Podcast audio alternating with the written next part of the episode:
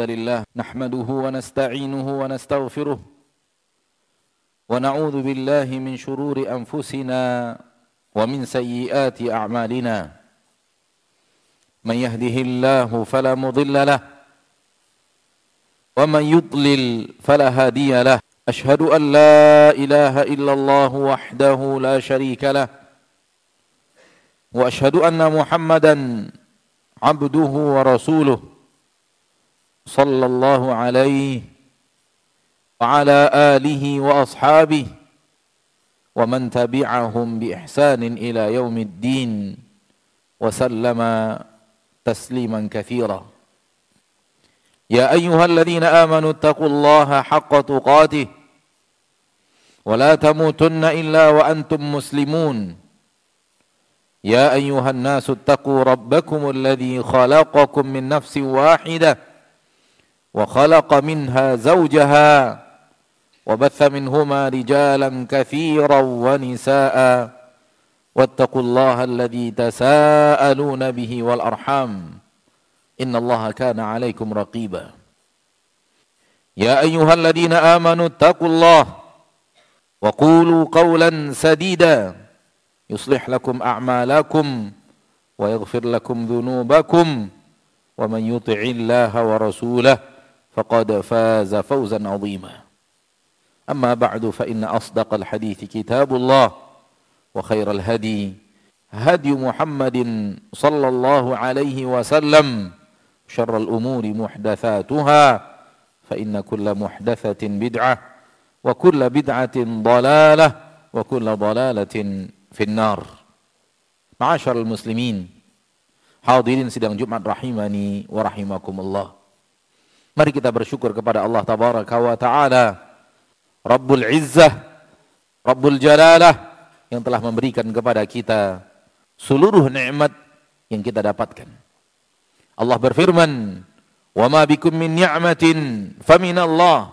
Nikmat apa pun yang ada pada kalian, nikmat apa pun yang kalian rasakan, nikmat apa pun yang kalian dapatkan, faminallah maka semua itu adalah nikmat yang datangnya dari Allah Subhanahu wa taala. Mari kita bersyukur kepada Allah yang telah mencurahkan kepada kita seluruh nikmat yang kita rasakan. Salawat dan salam kepada Nabi kita tercinta, Rasul kita yang mulia, suri tauladan kita Nabi Muhammad bin Abdullah sallallahu alaihi wasallam yang telah membawa manusia kepada jalan yang paling diridhoi dan dicintai Allah Rabbul Izzati wal Jalalah. Ma'asyarul muslimin, saudaraku hadirin sidang Jumat, rahimani wa rahimakumullah. Secara teori, semua kita yang beragama Islam mengetahui bahwa syaitan adalah musuh kita. Semua muslim yang ikhlas dalam keislamannya tahu secara teori bahwa syaitan itu adalah musuh. Dan musuh hendaknya diperlakukan sebagai musuh, bukan diperlakukan sebagai sahabat dan teman.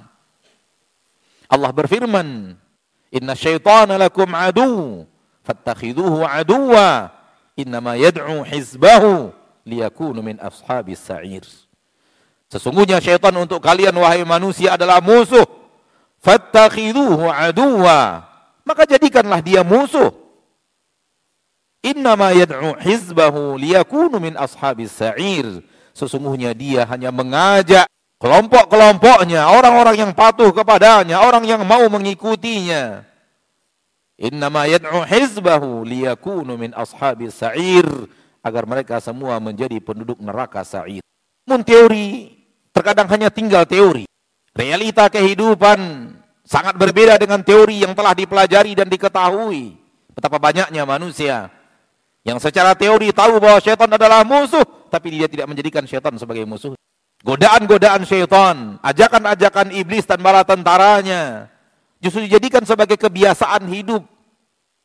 Justru dibagikan jadikan sebagai style kehidupan dalam kehidupan mereka sehari-hari. Tempat di mana syaitan menggoda mereka, itu tempat yang paling mereka sukai. Padahal mereka tahu syaitan adalah musuh. Maka jadikanlah dia sebagai musuh ma'asyarul muslimin tuflihu. Niscaya kita akan beruntung di dunia dan di akhirat. Tipu daya syaitan Sangatlah halus. Tipu daya iblis dan bala tentaranya. Sekiranya Allah tidak turunkan kepada kita Al-Quran. Sekiranya Allah tidak utus kepada kita Nabi Muhammad SAW. Kita nyaris tidak akan tahu bahwa itu adalah tipu daya iblis dan bala tentaranya. Saking halusnya. Akan tetapi Allah Ar-Rahman. Yang maha pengasih lagi maha penyayang. Menyayangi kita lebih daripada kasih sayang ibu kita kepada kita. Ayah kita kepada kita. Telah menurunkan kepada kita panduan yaitu Al-Quran. Yang telah mengirim kepada kita bimbing kehidupan yaitu para nabi dan para rasul. Dari mereka, dari kitab Al-Quran, kita mengetahui bahwa ini adalah bisikan iblis. Ini adalah jalan syaitan. Ini adalah jebakan syaitan yang harus kita hindari. Tanpa Al-Quran itu dan tanpa Rasul tersebut, secara naluri manusiawi, sepintar apa pun dia, secerdas apa pun dia, sebanyak apa pun pengalaman hidupnya, tidak akan bisa mengetahui bahwa itu adalah tipu daya iblis laknatullah. Diturunkan saja Al-Quran, diutus saja Nabi Muhammad SAW, masih banyak manusia yang tidak tahu bahwa itu adalah tipu daya iblis laknatullahi alaih saking halus. Di antara tipu daya iblis yang sangat halus, yang ia masukkan ke dalam hati dan sanubari manusia, yang kalau manusia terjebak di dalam tipu daya itu, iblis akan bermain kepadanya dengan permainan yang sangat mudah. Di antaranya adalah memberikan kepada manusia rasa di dalam hatinya, memberikan kepada manusia perasaan di dalam jiwanya bahwa usianya di permukaan bumi ini masih panjang. Usianya di permukaan bumi ini masih lama. Dia akan masih hidup dalam kurun waktu yang sangat panjang. Ma'asyiral muslimin, ini tipu daya iblis laknatullahi alaihi fajtanibu. Jauhi. Rasa di dalam hati, rasa di dalam diri, rasa di dalam pemahaman kita bahwa usia kita masih lama. Kematian masih lama. Rasa di dalam hati kita bahwa usia kita masih panjang. Ini tipu daya iblis laknatullahi alaih. Ini jebakan pertama iblis laknatullahi alaih. Kalau kita terkena jebakan ini dan masuk di dalam perangkap ini, iblis dengan mudah menyeret kita kepada perangkap-perangkap yang lainnya. Oleh karena itu Allah tabaraka wa taala menyuruh kita berhati-hati terhadap perangkap iblis dan tipu daya iblis dan langkah-langkah iblis. Betapa banyaknya manusia yang hidup sekarang ini merasa perasaan seperti yang saya katakan. Seperti yang khatib sampaikan. Dia merasa hidupnya masih lama. Dia merasa usianya masih panjang. Dia akan masih hidup sekian puluh tahun yang akan datang. Terutama pada generasi muda. Siapa yang mengatakan panjang? Dari mana takaran panjang itu? Tidakkah kita membaca Al-Quran? Tidakkah kita membaca hadis Nabi Sallallahu Alaihi Wasallam? Apakah di dalam Al-Quran, di dalam hadis Nabi terdapat keterangan seperti yang kita rasakan? Apakah di dalam Al-Quran Allah mengatakan usiamu wahai manusia di permukaan ini masih panjang? Atau sebaliknya? Apakah di dalam hadis Nabi Shallallahu Alaihi Wasallam kita mendapatkan Rasulullah SAW menyatakan pernyataan itu agar kita melakukan persiapan dalam usia kita di permukaan bumi karena usia kita masih sangat panjang atau sebaliknya? Yang ada adalah sebaliknya ayat-ayat Al-Quran. Di dalam beberapa ayat di dalam Al-Quran, tidak satu dan dua ayat di dalam Al-Quran, Allah menyatakan alangkah singkatnya usia kita di permukaan bumi. Hal yang sama di dalam hadis-hadis Nabi kita tercinta, salawatu rabbi wa salamu alaihi. Tak ada satu ayat pun berbicara seperti perasaan tadi.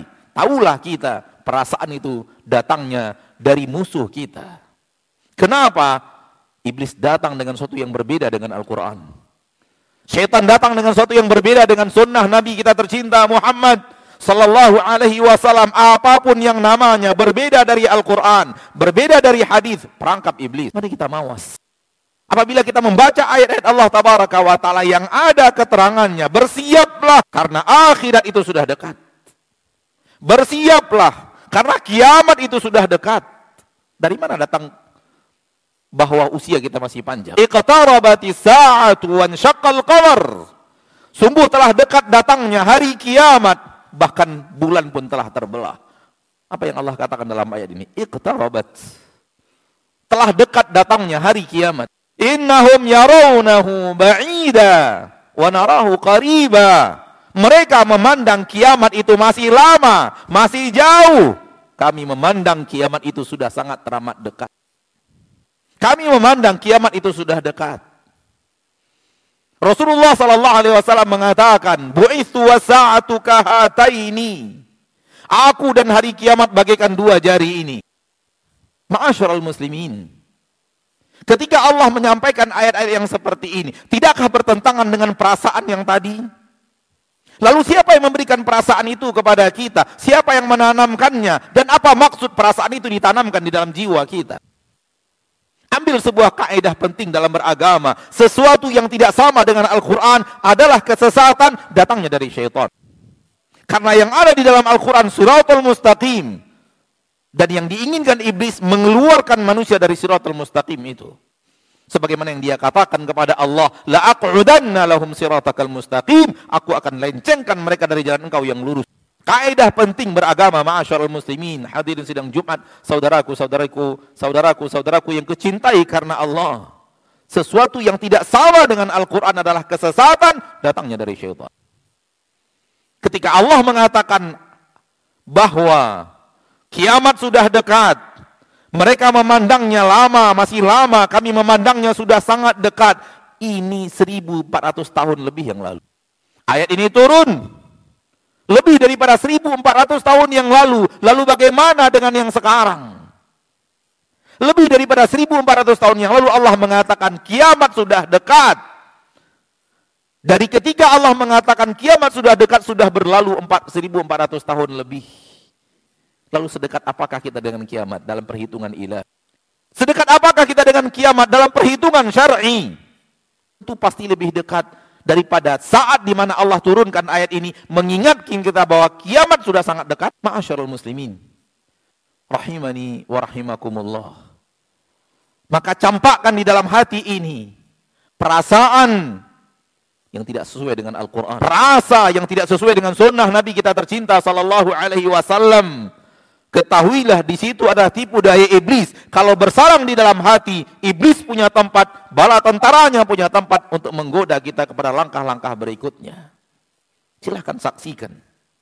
Apa yang dilakukan oleh manusia yang merasa usianya masih panjang? Dia akan lalai dengan dunianya. Dia tidak akan bersiap untuk akhiratnya. Dia tidak akan melakukan persiapan untuk kematian. Dia masih akan mengejar cita-cita yang dia gantungkan setinggi langit. Dia akan terus mengejar dan mengejar dan mengejar. Lalu kapan untuk akhirat? Berbeda dengan orang yang merasakan kiamat sudah dekat. Dia akan melakukan persiapan untuk kiamat itu. Berbeda dengan seorang hamba yang merasakan akhirat sudah di depan mata. Dia akan melakukan persiapan dan hidupnya untuk bersiap di permukaan bumi ini. Menuju waktu yang sudah sangat teramat dekat. Yang Allah katakan di dalam Al-Quran. Dengan itu dia selamat. Sebagaimana yang pertama sebelumnya hancur dan binasa. Itulah yang Allah inginkan dan itulah yang syaitan inginkan dari manusia. Fa'tabiru ya ulil absar la'allakum turhamun. Alhamdulillahi ala ihsanih wa syukru lahu ala taufiqihi wa amtinanih. Ashhadu an la ilaha illallah wahdahu la syarika lah wa ashhadu anna Muhammadan abduhu wa rasuluhu ad-da'i ila ridwanih.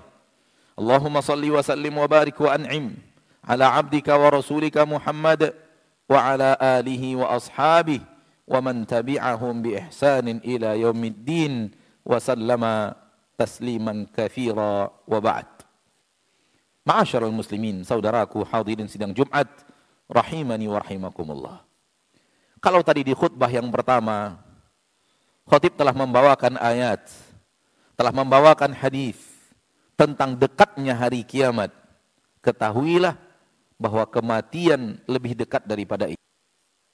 Allah bicara kiamat, hancurnya dunia beserta isinya dan Allah katakan dekat.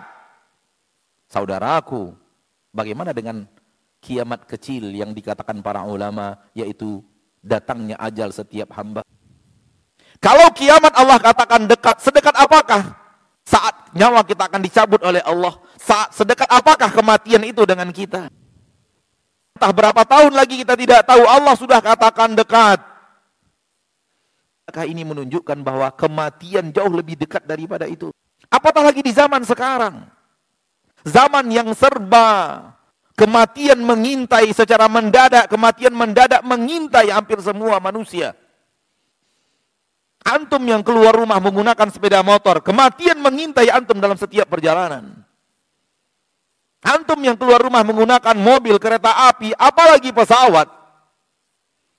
Satu konsleting listrik akan membuat kematian untuk ratusan penumpang. Apakah ini menunjukkan bahwa kematian jauh lebih dekat dibanding hari kiamat itu sendiri?